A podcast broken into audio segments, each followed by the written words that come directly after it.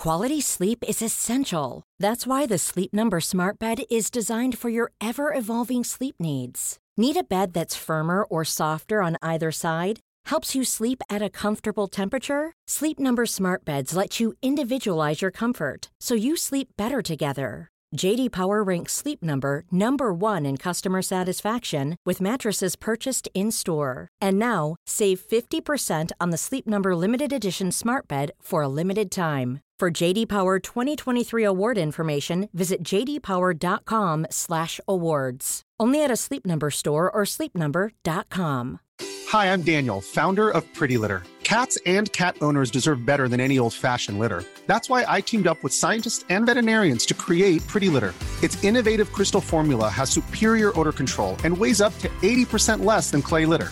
Pretty Litter even monitors health by changing colors to help detect early signs of potential illness. It's the world's smartest kitty litter.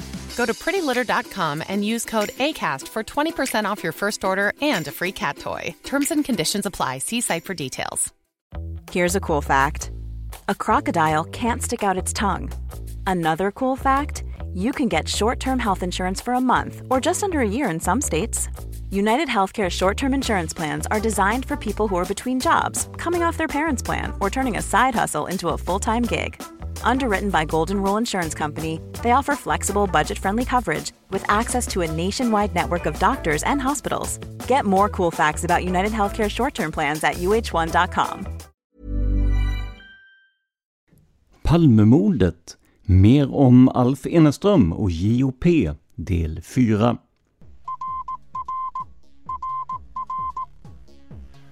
Sveriges statsminister Olof Palme är död. 90 000. Ja, det är mord på Sveavägen. Hörde de säger att det är Palme som är skjuten. Mordvapnet med säkerhet är en Smith Wesson, en revolver kaliber .357. Inte ett svar. Finns inte ett svar. För jag har Polisen söker en man i 35 till 40-årsåldern med mörkt hår och lång mörk rock. Välkomna till podden Palmemordet som idag görs av mig, Tobias Henriksson på PRS Media. Nu är vi tillbaka på de vanliga avsnitten efter ett långt firande av 400 avsnitt. Ja, Dan har ju varit inne med sina avsnitt om Inge M, men det här är det första vanliga avsnittet som jag gör efter vårt storslagna firande. Om du vill stötta oss ekonomiskt så går det alldeles utmärkt. Gå in på patreon.com palmemordet och donera en summa som podden får per nytt publicerat avsnitt. Görs det inga nya avsnitt så dras heller inga pengar. Om du hellre vill göra en engångsdonation, ja då hittar du alla sätt att göra detta på i avsnittsbeskrivningen. Idag ska vi återigen titta närmare på Alf Enerström och JOP och få en del ny information kring dem och deras kampanj mot Olof Palme. När vi lämnade paret i förra avsnittet hade vi hört om de tragiska olyckor som gjorde att både Alf och Gio förlorade sina barn från tidigare äktenskap relativt tidigt i livet. Vi tittade också närmare på Alfs brevskrivande till Astrid Lindgren och slutligen återgav vi den artikel som Alf skickade till Astrid. Men idag är det åter till förhör och texter som gäller. För Alf förhördes ju ett flertal gånger efter mordet på Olof Palme, föga förvånande med tanke på sin hatiska inställning till statsministern.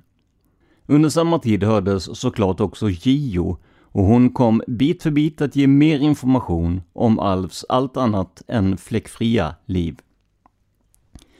Det ironiska är att JOP hörs fler gånger än Alf, i alla fall om man utgår från de förhör som finns i Palmemordsarkivet. Den troligaste anledningen till detta är att Alf var ganska yvig och lätt körde fast i sina argument. Kanske tyckte polisen att det var lättare att få informationen från hans hustru istället. Men innan dess vill jag berätta att jag fick ett tips om Alf från en lyssnare. Denne hade varit med och skrivit boken Bilder av Tynningö och där nämns Alf på ett antal sidor. Boken är skriven av Leif B Magnusson, Gustav Dalander och Hans Langenstedt och finns att köpa på bland annat Bokus. Och som sagt, en av författarna gav oss tillåtelse att citera delarna om Alf från just den här boken. Men för att få en bakgrund behöver vi veta lite om just Tynningö. Jag är själv från Karlskrona, en stad med ett otal öar och med såväl privat båttrafik som vägfärjor till delar av dem. Och Tynningö verkar vara något liknande, om än i Stockholmsregionen. Wikipedia skriver att Tynningö är en ö och sedan 2015 en tätort vid södra Vaxholmsfjärden, strax söder om Vaxholm i Stockholms inre skärgård. Ön tillhör ju då också Vaxholms kommun. Tynningö trafikeras med reguljär skärgårdstrafik från Vaxholm och Strömkajen i Stockholm samt en bilfärja i Trafikverkets regi mellan Östra Tynningö och Norra Lagnö, kallad Tynningöleden. Så det här är alltså ingångsvärdena när vi nu berättar om Alfs tid på Tynningö. Citat. Alf Eneströms Fridhem Fridhem 1 890 Gumman Järnart, Hedvig, hade avlidit vid nästan 95 års ålder 1958. Själva Fridhem köptes sedermera av allmänläkaren Alf Eneström. Många minns hans namn för det här var en man som väckte uppseende. Sommaren 1971 var Eneström huvudperson i en fruktansvärd flygolycka. Han styrde ett privatplan med sina två döttrar som passagerare och störtade i Sigtunafjärden strax efter start. Eneström slungades av allt att döma ur planet vid krocken mot vattnet och lyckades ta sig upp till ytan. Han var svårt chockad och blödde kraftigt från ansiktet. Men hans två döttrar följde med vraket ner i djupet. Kropparna bärgades senare av dykare. Alf Eneström blev senare sambo med den firade skådespelaren J.O.P. som bland mycket annat spelat i Ingmar Bergmans Smultronstället. P hade varit med om en liknande tragik då hennes två små barn från äktenskapet med Lorentz Malmstedt bägge omkom i en husbrand år 1969. Maken hade dött några år tidigare. J.O.P. la ner skådespelarkarriären i början av 1970-talet och verkade istället som politisk opinionsbildare på högerkanten. Eneström kom tillsammans med P att föra en smutskastningskampanj mot statsminister Olof Palme med påkostade tidningsannonser med nidbilder. Efter mordet på statsministern år 1986 var Alf Eneström inledningsvis en av de huvudmisstänkta. I förhör kallade han Olof Palme för antikrist och sa citat att det säkert skulle bli en prick i himlen för den som knäppte Palme, slutcitat, rapporterade granskningskommissionen. Men han hade alibi. Alf Eneström och J.O.P. hade varit ute och ätit middag och var sedan i lägenheten på Norr strand hela mordkvällen. Den blivande världsförfattaren Stig Larsson skrev i en artikel i Expo år 2003 att Eneström blev citat favorit hos flera privatspanare och framförde olika teser om Palmemordet, slutcitat. Tio år efter mordet sammanfattade Säpo sin spaning kring Alf Eneström, vilken återberättades i Expressen i oktober 2015, citat. Om man tror på en konspiration bakom mordet finns det fortfarande mycket att rota i vad gäller Alf Eneström, slutcitat, löd slutsatsen. År 1998 separerade J.O.P. och Alf Eneström. Åtskillig tid i tingsrätter följde i samband med civilrättsliga tvister. År 2001 dömdes Eneström till några månaders fängelse för att ha knivhotat P.s advokat. Redan samma år som separationen ska JOP ha kontaktat polisen och ändrat sina alibiuppgifter om mordkvällen. År 2014 intervjuade Svenska Dagbladet P som en del av en artikelserie om mordet och tog del av hennes nya version. Jag gick och la mig tidigt, någon gång efter klockan 21. Jag tittade på Aktuellt. Men Alf försvann ut och sa att han skulle lägga på parkeringspengar. Jag tyckte det var konstigt eftersom det var gratis parkering fredag kväll och över helgen. Sedan kom han tillbaka sent, sa hon. JOP sa sig också vara säker på att Alf ägde en revolver av märket Smith Wesson, samma märke som det vapen som polisen tror att Olof Palme mördades med. Det som Gio säger om mig nu stämmer inte. Hon kan väl ha tagit tillbaka, men det är vad hon har sagt tidigare som är sant. Jag gick aldrig ensam, replikerade Alf Eneström. Kriminologiprofessorn Leif GW Persson tyckte nu att det var självklart att Eneström skulle förhöras på nytt. Han har haft en revolver och saknar ett alibi, då blir det ju naturligtvis intressant, menade Persson. Men berättelsen fick ingen fortsättning och Eneström lär i historiens ljus skjutas hän till de många andra svårutredda spåren om mordkvällen. År 2009 stoppades Greta Linderoths dotterson Stellan Ridderstrand till sin förvåning av polis på södra Bötbergsslingan på sin väg till Björkbacken. Polisen var på plats för att gripa Alf Eneström. Denne hade barrikaderat sig på Fridhem, troddes vara beväpnad och bedömdes som farlig. Gripandet kunde den gången genomföras utan svårare tillbud än att polisen bröt upp en grind och enligt uppgift var Eneström i själva verket obeväpnad vid tidpunkten. Men polisen hade fog för sitt allvar. Eneström hade nämligen rönt stor uppmärksamhet i november 2003, något som Stig Larsson tar upp i sin Expo-artikel, citat. Läkaren, Palmehataren och högerextremisten Alf Eneström greps på fredagen för att ha skjutit en kvinnlig polis i samband med att Kronofogden skulle avhysa honom från en sjurummare på Norr Mälarstrand. Han har inte betalat hyra på ett halvår och har stora skulder.” Slutcitat. I själva verket ska Alf Eneström snarare ha legat efter med hyran ett helt år. Poliskvinnan sträckte sig enligt uppgift in för att öppna varvid Alf Eneström sköt i armen. Han ska vid tidpunkten ha använt en kastrull som skyddshjälm.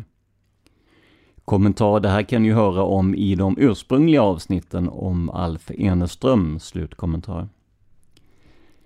När Eneström sen sattes i fängsligt förvar ska han, utom Socialstyrelsens vetskap, ha behandlat sina medfångar och skrivit ut recept. Han var ju läkare men det sägs att han aldrig fick några klagomål på sina behandlingar.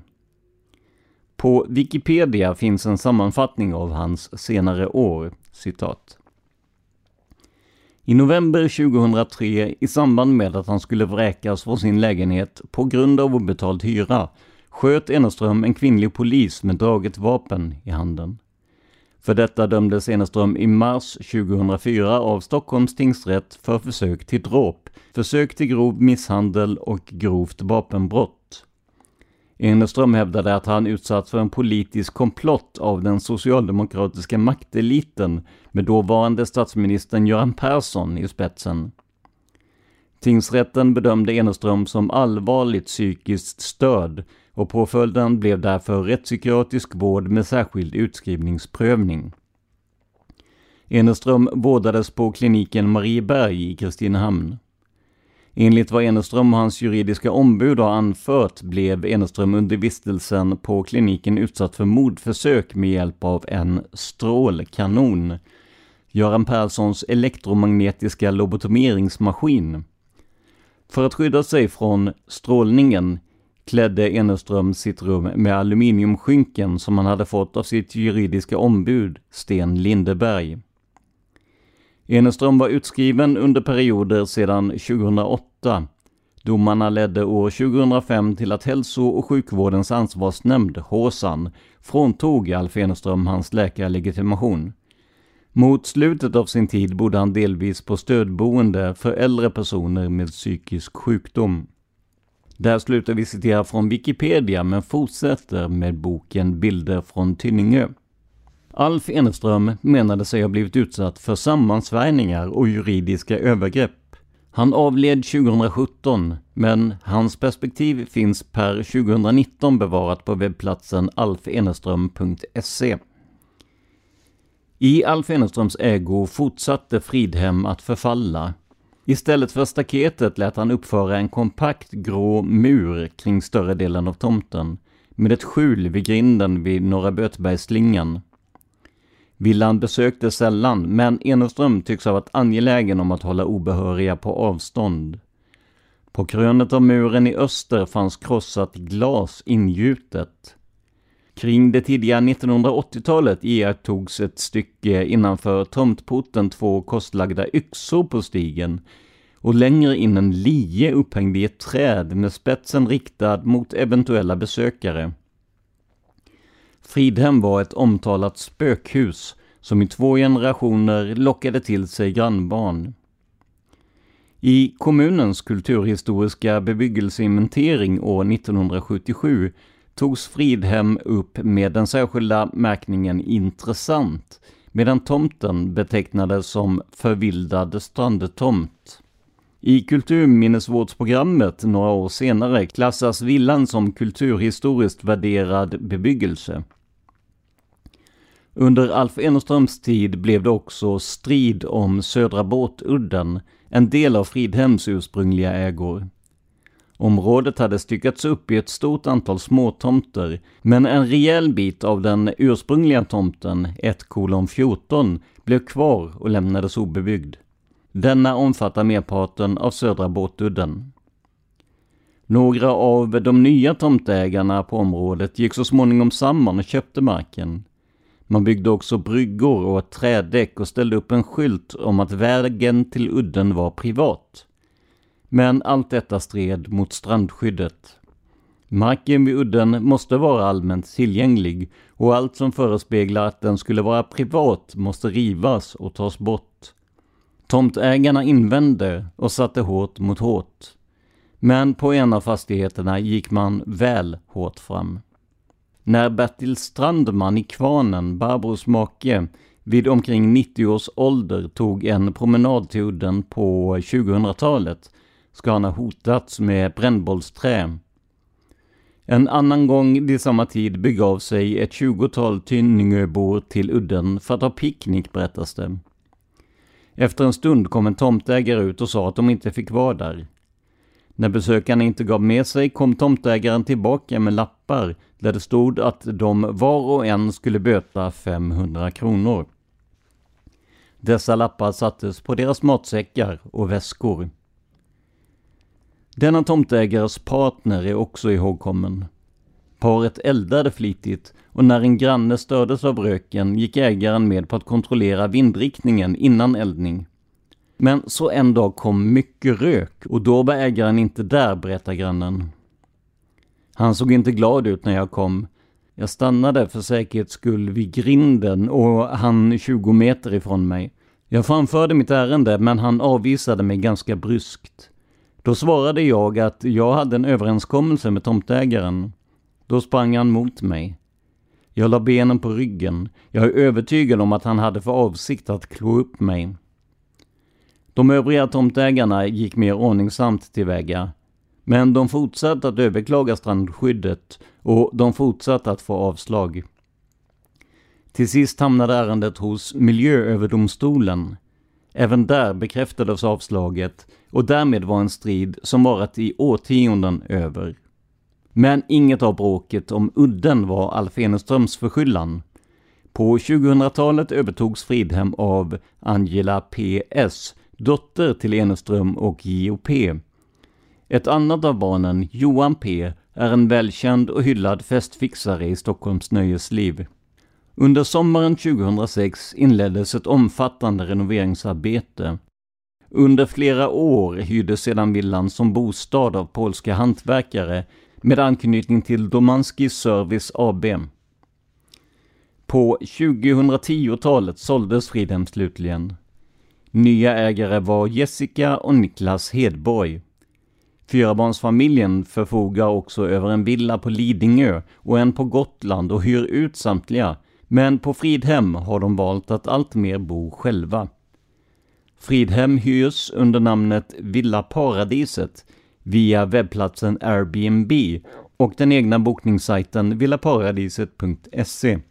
Villan har fått omdömen med starkt positiv prägel på Airbnb från både svenska och utländska gäster sedan år 2015. Och där slutar vi citera boken Bilder från Tynningö. Boken är alltså skriven av Leif B Magnusson, Gustav Dalander och Hans Langenstedt och den finns att köpa på bland annat Bokus. Så även i eh, Stockholms skärgård satte Alf en tydlig prägel på sin omgivning. I boken ser vi en man som uppenbarligen känner sig förföljd på gränsen till paranoia. Det här kom ju också senare att bekräftas när Alf dömdes till just rättspsykiatrisk vård och inte fängelse för senare dåd. Och det är såklart lätt att skratta åt Alf och hans påhitt. Dra på munnen åt lobotomeringsmaskinen och skynken av aluminium. Men jag tycker samtidigt att man ska tänka på att vi har att göra med en person med accelererande psykisk ohälsa och där hoten han upplevde säkert var verkliga för honom. Det som jag funderar över är såklart hur hans juridiska ombud kunde gå med på så märkliga saker. Kanske borde god advokatsed förhindrat det. Men det är såklart en helt annan fråga. Som ni hörde kom Gios bild av vad som hände allt mer att förändras i takt med att hon slog sig fri från Alf. Men i förhör 1994 var makarna fortfarande tillsammans och när Gio förhörs låter det så här. Protokoll fört vid förhör med M. Birgitta, kallad JOP. P. Förhöret hållet tisdag den 6 september 1994 med början klockan 09.30 på Sölje herrgård, Glava. Förhörsledare kriminalinspektör Alf Andersson. Förhörsvittne kriminalinspektör Per Heidebäck. M kommer här nedan att kallas för Gio. Kommentar, vi har pratat om det här tidigare. Det verkar alltså som att JOP är ett taget namn, att hon egentligen heter Birgitta M. Men vi kommer ju att kalla henne för JOP, som hon alltså är känd under slutkommentar. M är tidigare hörd den 5 augusti 1987 och hon känner till att även detta förhör ingår i förundersökningen om mordet på statsminister Olof Palme. JO underrättas om att hon ska höras fortsättningsvis för att få fram förtydliganden om vissa omständigheter kring henne och Alf Eneströms förehavanden vid tiden för mordet på Olof Palme samt att hon även ska höras om några nya tillkomna omständigheter och personer. Inledningsvis berättar Gio att hon drabbades av en tragedi 1969 när hennes villa brann ner i Sollentuna och att två av hennes barn omkom i branden.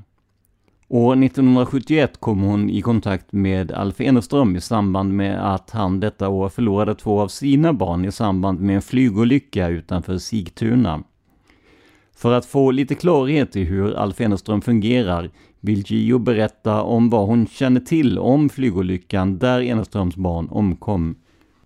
Eneström och hans dåvarande hustru hade vid tillfället vistats på olika adresser. Eneström hade bett dåvarande hustrun att komma till trakten av Sigtuna för att hämta barnen. Hustrun hade vägrat detta med påföljd att Eneström tagit med barnen i flygplanet. Det var ett så kallat sjöflygplan som strax efter starten fått motorhaveri och störtat. Barnen följde med flygplanet ner i djupet och drunknade, medan Eneström kunde ta sig ur och rädda sig själv. Eneström kom efter katastrofen att beskylla sin hustru för att förorsakat barnens död. Eneström förklarade sig själv helt oskyldig till katastrofen och menade att dåvarande hustrun var ansvarig. Eneström var ej mottaglig för argument om att före detta hustrun ej kunde lastas för olyckan. Quality sleep is essential. That's why the Sleep Number smart bed is designed for your ever evolving sleep needs. Need a bed that's firmer or softer on either side? Helps you sleep at a comfortable temperature? Sleep Number smart beds let you individualize your comfort so you sleep better together. JD Power ranks Sleep Number number 1 in customer satisfaction with mattresses purchased in-store. And now, save 50% on the Sleep Number limited edition Smart Bed for a limited time. For JD Power 2023 award information, visit jdpower.com/awards. Only at a Sleep Number store or sleepnumber.com. Hey, it's Ryan Reynolds and I'm here with Keith, co-star of my upcoming film If, only in theaters May 17th. Do you want to tell people the big news? All right, I'll do it. Sign up now and you'll get unlimited for $15 a month in six months of Paramount Plus Essential Plan on us. Mintmobile.com slash switch. Upfront payment of $45 equivalent to $15 per month. Unlimited over 40 gigabytes per month. Face lower speeds. Videos at 480p. Active Mint customers by 531.24 get six months of Paramount Plus Essential Plan. Auto renews after six months. Offer ends May 31st, 2024. Separate Paramount Plus registration required. Terms and conditions apply if rated PG. If you're looking for plump lips that last, you need to know about Juvederm lip fillers. With Juvederm Volbella XC and Juvederm Ultra XC, your lip look, whether it's subtle or bold, can last up to one full year with optimal treatment and no additional maintenance. Find a licensed specialist and see if it's right for you at juvederm.com today. That's J U V E D E R M.com. Add fullness to lips in adults over 21 with Juvederm Volbella XC or Juvederm Ultra XC. Do not use if you have severe allergies or a history of severe allergic reactions, or if you're allergic to lidocaine or the proteins used in Juvederm. Tell your doctor if you have a history of scarring or taking medicines that decrease the body's immune response or that can prolong bleeding. Common side effects include injection site redness, swelling, pain, tenderness, firmness, lumps, bumps, bruising, discoloration, or itching. As with all fillers, there's a rare risk of unintentional injection into a blood vessel, which can cause vision abnormalities, blindness, stroke, temporary scabs, or scarring. For full important safety information, visit juvederm.com. JO vill med detta framhålla att Eneström ser det mera undantagslöst beskyllt andra för att vara orsak till alla händelser av negativ art. Kommentar här är ett stort stycke maskat. Men av de ord vi kan läsa att döma så handlar det här om att Eneström anklagade Olof Palme för att ett av hans barn togs om hand av socialtjänsten. Slutkommentar. Eneström beskyller Gio för att vara den person som förorsakat att barnen flyttat hemifrån. Gio själv uppger att hon har en alldeles utomordentligt god kontakt med barnen. Gio lämnar flera skildringar om svårigheterna att sammanleva med Eneström, men vill icke att detta ska protokolleras.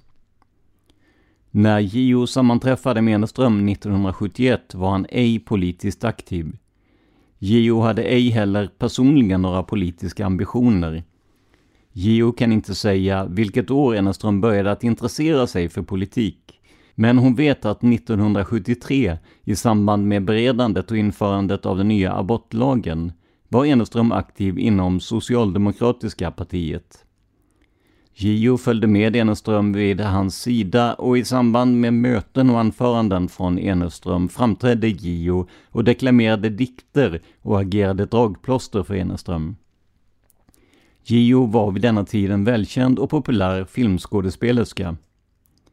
Gio uppger att Eneström vid denna tid hade en stark karisma och visade stor intelligens och möjligen besatt förmåga att bekläda en hög politisk post och möjligen fungera som statsminister. Gio fick stort förtroende för Eneström. Gio hade tidigare varit gift med filmproducenten Lorenz Malmstedt som avled innan hon kom att sammanleva med Eneström. Malmstedt hade gett Gio ett företag, Flora Film AB, som innehöll en nätt förmögenhet. När sedan Gio började sammanleva med Eneström överlät hon till Eneström att sköta deras gemensamma ekonomi. Gio litade fullt ut på Eneström och var i god tro att han skulle förvalta hennes kapital på ett gott sätt. Efterhand märkte Gio att pengarna vid Flora Film AB sinade för att slutligen totalt försvinna. När sedan konkursen i Flora Film AB var ett faktum svarade Eneström på frågor att Gio skulle hålla käften och inte lägga sig i vad han gjorde. Eneström kom att bli fullständigt upptagen av sitt politiska engagemang och hans lärarverksamhet blev fullständigt förödd av Eneströms egna göranden och låtanden. Kommentar här föreligger uppenbarligen en felskrivning. Det måste vara läkarverksamhet med tanke på att Eneström var läkare. Slutkommentar. Eneström skrev debattartiklar, böcker och pamfletter som han spred. Eneström undertecknade det allra mesta med sitt eget och Gios namn. Gio fick närmast alltid läsa Eneströms alster och hon uppger att hon vid mångfald tillfällen gjort invändningar mot innehållet som hon tyckte innehöll för starka ord. Eneström tog dock ingen notis om Gios invändningar. Gio uppger att det var meningslöst för henne att agitera emot Eneström och undanbe sig underteckna Eneströms alster när hon var totalt dominerad av honom. Gio har dock sedan några år tillbaka fått gehör för att hon ej velat stå med sitt namn i vad Eneström skrivit. Gio säger att hon aldrig skrivit något själv som har publicerats. Vi frågar huruvida Gio har skrivit förordet till boken Vi fällde regeringen del 2 som utgavs 1983 uppger Gio att hon inte har skrivit någonting i denna bok. Allt har skrivits av Eneström, även förordet som är signerat Gio P. För att ytterligare belysa hur liten insyn hon har i Eneströms verksamhet uppger hon att hon icke har tillträde till det rum som Eneström har som kontor i Sölje herrgård. Vidare berättar Gio att eh, varken hon eller barnen har nyckel till familjens lägenhet i Stockholm. Familjen är helt beroende av att Eneström öppnar dörren för dem och Gio uppger att hon och barnen vid åtskilliga tillfällen får suttit ute i trappen och väntat på att Eneström ska komma hem och öppna för dem. Gio uppger vidare att det som begränsat hennes kunskap om Eneströms verksamhet till mycket stor del består i att hon under åren varit bosatt uppe på Sölje herrgård och att Eneström till allra största delen bosatt och uppehållit sig i lägenheten i Stockholm. Gio vet att Eneström i Stockholm till och från fick besök av olika personer. Gio minns bland annat en utlänning, sannolikt från öststaterna. Gio vet inget närmare och kom inte ihåg mer än att denne man var mycket finklädd. Vidare minns hon att eh, vid tiden för mordet kom en ung man som kallade sig Rickard, men i verkligheten var detta David Fredin. Denne David Fredin var mycket intresserad av Eneströms politiska budskap. Gio känner till att David Fredin förklädde sig med peruk. Gio uppger vidare att hon känner till att Eneström vid ett tillfälle fick besök av en man som heter Censur, som Gio uppfattade som en skum person. Denne censur har också besökt Eneström uppe i Sölje. Gio har inte fått något grepp om vem denne censur är för person. Vidare minns Gio att Eneström vid något tillfälle fick besök av en kortväxt direktör med glasögon. Gio har en känsla för att denne direktör inte hade något ärende vad gällde Palme, men är osäker om detta. Gio säger att hon inte känner till vad de olika besökarna haft för egentliga ärenden till Eneström, då hon inte närvarat vid samtalen.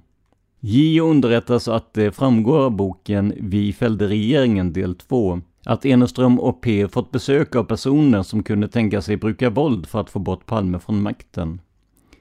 Gio uppger att hon inte känner till vilka personer Eneström åsyftar med denna uppgift och uppger i övrigt att hon inte heller känner till vilka personer som åsyftas som besökt Eneström 1985 och vid detta tillfälle framfört att de kunde använda våld för att få bort Palme. Gio tillfrågas om uppgifterna från Eneström, att han vid något tillfälle blivit beskjuten utanför sin bostad på Norr Mälarstrand och att Eneström ponerat att Olof Palme låg bakom detta mordförsök. Gio uppger att hon känner till denna Eneströms utsaga, men hon är tveksam till sanningshalten i denna påstådda beskjutning. Vidare tillfrågas Gio om Eneströms påståenden om att Gio blivit utsatt för mordförsök genom att en bilist försökt tränga henne av vägen i Värmland. Gio säger att denna uppgift får stå för Eneströms räkning. Gio uppger att den händelse som Eneström pratar om rör en trafikincident som uppstått under körning där en medtrafikant framfört sitt fordon på så vårdslöst sätt att det varit nära att förorsaka en trafikolycka. Eneström har förvrängt det hela till att det var ett mordförsök som var arrangerat av Olof Palme. På fråga hur Gio uppfattar hur Eneströms politiska engagemang uppstått uppger hon på frågor att en av de större inledande politiska frågorna var den fria aborten 1973 då Eneström framträdde som abortmotståndare i strid mot den socialdemokratiska partilinjen. Bråket kring abortlagstiftningen och eh, Eneström kom att fjärma Eneström från makteliten inom socialdemokratin. Eneström har i vart fall sedan 1973 varit i en ständig opinion mot partiledningen och Eneström anser sig genom åren att endast han personligen kan rädda Sverige. Eneström har också för sig att han ensam och personligen styr Sverige. På frågor runt detta uppger Gio att hon upplever Eneström som vara störd och egendomlig i sin uppfattning av sin egen personlighet. Gio anser också att detta ger svar på frågorna om att Eneström till olika personer föresvävat att de skulle kunna få politiska poster genom kommande regering som skulle ledas av Eneström. Eneström upplever sig själv som opinionsbildare och makthavare, oaktat han måste anses sakna totalt inflytande i det politiska livet. Gio uppger sig icke vara förvånad om olika personer tagit den agiterande Eneström på allvar när han pratat politik. Mordveckan, mordkvällen. JO underrättas att de uppgifter som föreligger i utredningen är att Eneström och JO begav sig till Stockholm onsdag den 26 februari 1986 oaktat att de planerat att resa till deras fritidshus i Sörsjön, Kopparbergs län. JO vill nu åter förklara och redogöra för detta. JO uppger att barnen, som då hade sportlov, önskade att åka till fritidshuset i Dalarna. Gio uppger att huset inte besökts på länge och har varit i dåligt skick och utkylt. Gio var av uppfattningen att barnen mycket väl kunde åka skidor och tillbringa sitt sportlov hemma i Sölje. Alf Eneström samtyckte till detta och detta samtycke bestod i att Eneström vid varje tillfälle barnen hade lov tvingade Gio att följa med till Stockholm för att där utföra administrativt arbete inom opinionspartiet som Eneström driver. Gio minns att det var gråt och tandagnisslan och att de därför måste förklara för barnen. Och den flicka som tillfälligt vistades på Sölje fick ge nödlögnen att de måste åka till Stockholm för att träffa viktiga personer. Den verkliga orsaken var att Gio och Eneström skulle reda upp en mängd av handlingar som låg osorterade. Gio fick bokföra och katalogisera personer som hade skickat pengar till Eneströms kampanj mot Olof Palme. Gio minns att fredagen den 28 februari hade hon arbetat hela dagen med detta och klarat av cirka 200 bidragsgivare. Gio minns också att de med skyndsamhet fick bege sig ut på stan strax före stängningsdags, det vill säga vid 18-tiden, för att de skulle inhandla presenter till sin censur och tidigare namngivna flicka på Sölje som hade namnsdag den 28 februari, det vill säga samma dag. De köpte ett par guldhjärtan i en guldbutik på Sveavägen. Att inköpet skedde på Sveavägen hade sin grund i att de stannade till på vägen mot restaurang Klas på hörnet som ligger på Surbrunnsgatan där de tänkte äta sin kvällsmat. Gio uppger att de vid ett antal tillfällen brukat äta middag på denna restaurang som var trevligt inredd i 1700-talsmiljö.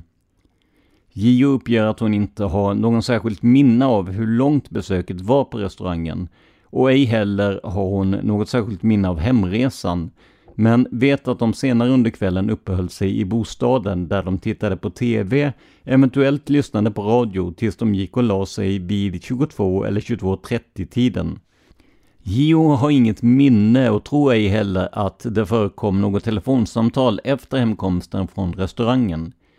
Gio tillfrågas om eh, de möjligen färdats hem till bostaden via Sveavägen och därvid kommit att passera vid Grand och då möjligen även stannat till för att titta på vilka filmer som visas där. Gio avvisar detta resonemang som är helt felaktigt, när hon i så fall absolut skulle minnas en sådan sak. Hon skulle också minnas om man hade färdats Sveavägen bara någon timme innan Palme mördades på nämnda gata. Gio underrättas om att Eneström tidigare på dagen besökt Dalins affär, som ligger mittemot Grand och då blivit rekommenderad att se filmen Mozart, som visades på biografen, som ligger rakt över gatan från Dalins räknat.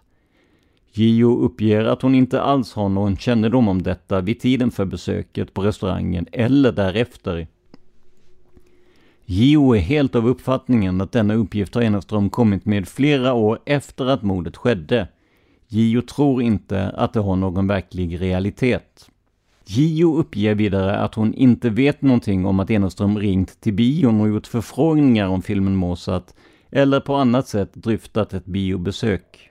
Gio är bestämd i denna uppfattning då hon var ivrig att få åka hem till Sölje och överlämna de inköpta presenterna. Gio uppger att om Eneström skulle kommit med förslag om ett biobesök hade Gio gett blankt avslag och vägrat gå på bio. Gio uppger att Eneström sagt att han har restaurangnotan från Klas på hörnet kvar i sin besittning. Eneström uttrycker sig så att han har notan i bakfickan. Gio berättar vidare att Eneström alltid ville titta på nyhetsprogrammen på TV under kvällen och att han även gjorde detta den aktuella fredagskvällen och att hon då var trött och inte ville åka hem till Värmland med påföljd att de blev kvar i Stockholm den kväll Palme mördades. Hon vet att sedan ringde censur tidigt på morgonen den 1 mars och berättade nyheten om mordet på Olof Palme. Eneström hade då varit lika chockad som folk i allmänhet över mordet och hans första kommentar var att det sannolikt var en sympatisör i hans parti som förövat mordet. Eneström har icke uttryckt misstankar åt något visst håll, utan endast ponerat att hans avslöjanden i skrifter om Palme utlöst mordet. Vid genomgång av dessa uppgifter uppger JO att de färdades till och från restaurangen i en blå Volkswagen-buss med takräcke. Opinionspartiet Ekonomi JO uppger att det var väldigt många personer som skickade bidrag till Eneströms kampanj mot Palme. Beloppen rörde sig vanligtvis från några tio till några hundralappar.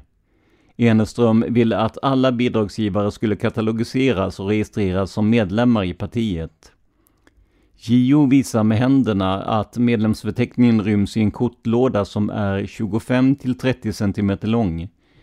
Eneströms uppgifter om att medlemsantalet rör sig om 55 000 är mycket starkt överdrivna. JO har inte någon uppfattning om hur många som kan betraktas som medlemmar eller sympatisörer, men är av uppfattningen att det är ett betydligt mindre antal än vad Eneström gör gällande. JO är alldeles klar över att de bidrag som kom via postgiro från enskilda personer inte på något sätt kunde finansiera de annonskampanjer som Eneström bedrev mot Palme. På fråga vilka som sponsrade Eneström uppger Gio att hon icke känner till det då detta var en stor hemlighet. Gio är dock övertygad om att sponsorerna var, som hon säger, höga borgare och finansmän som ville fördriva Socialdemokraterna från makten. På frågor runt censurs och censurs resor och insamlande av pengar till Eneström uppger Gio att censur är en stor beundrare av Eneströms politiska verksamhet. Gio känner inte till några belopp eller insamlingar från de nämnda damerna. Nuläget. Gio uppger att Eneström numera lider av förföljelsemani. Han tror sig ständigt vara förföljd av poliser och politiska meningsmotståndare. Han brukar dock säga att han har polismästare Hjälmroth på sin sida. Gio berättar att Eneström på grund av sin sjukliga misstänksamhet börjat förflytta sig med företagande av genom att snedda genom kvarter och hus för att skaka av sig eventuella förföljare samt köra långa omvägar till det mål han ämnar besöka. Gio uppger att Eneström är synnerligen svår att sammanleva med. Under senare tid har Eneström även haft en del umgänge med den kända rasisten Censur, som ställer sig bakom den franska revolutionisten Fergusons idéer om att den tyska utrotningen aldrig förekommit. Eneström börjar även att liksom censur förkunna att judarna styr Sverige i form av att de äger de flesta tidningar och nästan alla anställda inom radio och TV är av judisk börd. Sammantaget uppger Gio att hon i många stycken är okunnig om Eneströms förehavanden och uttalanden på grund av att hon är utomordentligt uttröttad på hans politiska ältande. Gio uppger att hon sedan många år icke fäst sig vid eh, vad Eneström sagt och påstått och därför har det allra mesta fallit ur hennes minne. I övrigt förhörs Gio om sin kännedom i ett par andra spaningsuppslag som redovisats särskilt i hennes namn, JOP. Försanteckningarna har relaterats efterhand för Gio som icke vill gå igenom det hela, utan hon godtar det som förts till protokollet. Sölje som ovan, Alf Andersson, kriminalinspektör. Slut citat. Och för er som vill kolla upp det här förhöret själv och kanske till och med har förslag på namn och liknande till det som är censurerat så är avsnittet DA och löpnumret 14 24 4-9-A. Ja, nu har Alf Enström inte bara förföljelsemani utan också ett inslag av rasistiska eller rent av nazistiska konspirationsteorier i det hela. Som ni vet så gör jag en podd som faktagranskar just konspirationsteorier och så mycket kan jag säga att idén om en judisk maktelit som äger företag och media och genom det på något sätt driver en judisk propaganda är en tråkig rest från andra världskriget och självklart helt osann. Men det ger en inblick i Eneströms tankevärld runt den här tiden. I nästa avsnitt fortsätter vi att titta på Alf och Gio och då kommer vi också att få se hur Göran Persson dras in i hela den här historien. Hej, det är Paige DeSorbo från Giggly Squad. High quality fashion without the price tag. Say hello to Quince. I'm snagging high-end essentials like cozy cashmere sweaters, sleek leather jackets, fine jewelry, and so much more. With Quince being 50 to 80% less than similar brands. And they partner with factories that prioritize safe ethical and responsible manufacturing. I love that. Luxury quality within reach. Go to quince.com slash style to get free shipping and 365 day returns on your next order. quince.com slash style when you make decisions for your company you look for the no-brainers if you have a lot of mailing to do stamps.com is the ultimate no-brainer Use the Stamps.com mobile app to mail everything you need to keep your business running with up to 89% off USPS and UPS. Make the same no brainer decision as over 1 million other businesses with Stamps.com. Use code PROGRAM for a special offer. That's Stamps.com code PROGRAM. Om du gillar det vi gör och vill stötta oss ekonomiskt så hittar du alla sätt att göra det på i avsnittsbeskrivningen. Har du synpunkter eller frågor kring podden? Kontakta oss gärna på simwaypodcast gmail.com. Det är alltså z-i-m-w-a-y podcast gmail.com. Vi hinner tyvärr inte svara på frågor om mordet och teorier utan hänvisar till de olika grupperna i ämnet på Facebook. Det här var veckans avsnitt av podden Palmemordet som idag gjordes av mig, Tobias Henriksson på PRS Media. För mer information om mig och mina projekt besök facebook.com prsmedia.se eller gilla oss på Instagram där vi heter PRS Media. Ett ord, små bokstäver. Stort tack till VPU.nu och Palmemordsarkivet för föredömlig information om Alf Eneström. Men framför allt, stort tack för att du lyssnar på podden Palmemordet. Man hittar Palmes mördare om man följer PKK-spåret till botten. Därför att ända sedan Julius Caesars tid har jag aldrig hört talas om ett mord på en framstående politiker som inte haft politiska skäl. Polisens och åklagarens teori var att han ensam hade skjutit Olof Palme. Och det ledde också till rättegång. Men han frikändes i hovrätten. Nu ska vi